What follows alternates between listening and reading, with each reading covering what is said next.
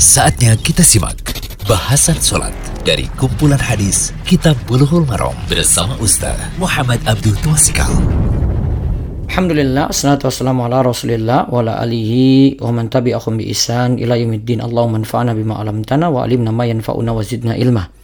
Kali ini kita berada di audio ke-104 dari pembahasan kitab Bulughul Maram karya Imam Ibnu Hajar Al-Asqalani, kitab salat bab sifat salat.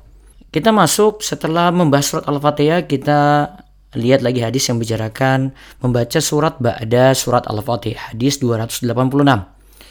An Abi Qatadah radhiyallahu anhu qala kana Rasulullah sallallahu alaihi wasallam yusalli bina fayaqra'u fi dhuhri wal asri fi rak'atayn al ulayaini bi Fatihatil Kitab wa surataini wa yusmi'una al ayata ahyanan wa yutawilu ar-rak'ata ula wa yaqra'u fil ukhrayaini bi Fatihatil Kitab muttafaqun alaih dari Abu Qatadah radhiyallahu anhu ia berkata Rasulullah Shallallahu Alaihi Wasallam sholat bersama kami dan beliau membaca surat Al-Fatihah dan dua surah pada sholat zuhur dan sholat asar dalam dua rokat pertama. Jadi di rokat pertama ada, rokat kedua baca surat setelah surat Al-Fatihah. Terkadang beliau memperdengarkan bacaan ayatnya kepada kami. Beliau memanjangkan rokat pertama dan hanya membaca surat Al-Fatihah pada dua rokaat terakhir. Mutafakun alaih. Hadis ini riwayat Bukhari dan Muslim. Kita lihat faedahnya yang kami ambil dari Minha al-Alam karya Syekh Abdul Al-Fauzan. Hadis ini jadi dalil tentang dianjurkannya membaca surat setelah surat Al-Fatihah pada rokat pertama dan rokat kedua.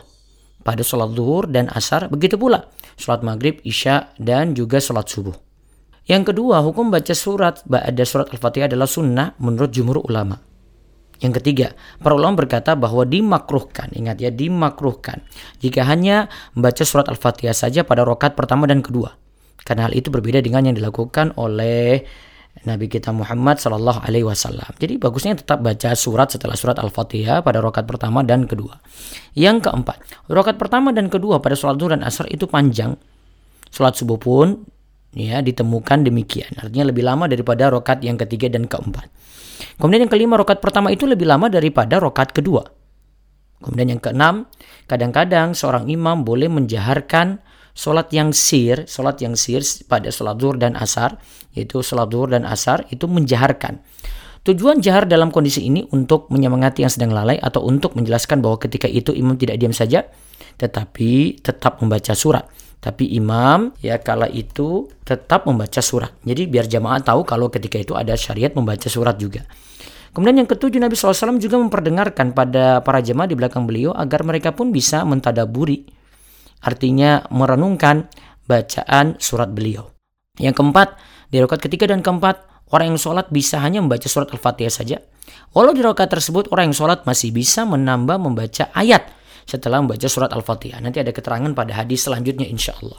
Kemudian yang kesembilan, baca surat utuh lebih utama daripada membaca surat panjang tetapi hanya sebagian. Karena membaca surat secara utuh akan membuat terkaitnya ayat yang satu dan lainnya. Jadi tidak terputus ya. Tidak terputus di tengah-tengah ya. Kalau imam ingin memutus bacaan pada ayat tertentu maka hendaklah motongnya pada tempat yang pas untuk berhenti. Semoga jadi ilmu yang manfaat demikian bahasan sholat dari kumpulan hadis. Kitab buluhul marom bersama Ustaz Muhammad Abdul Tuasikal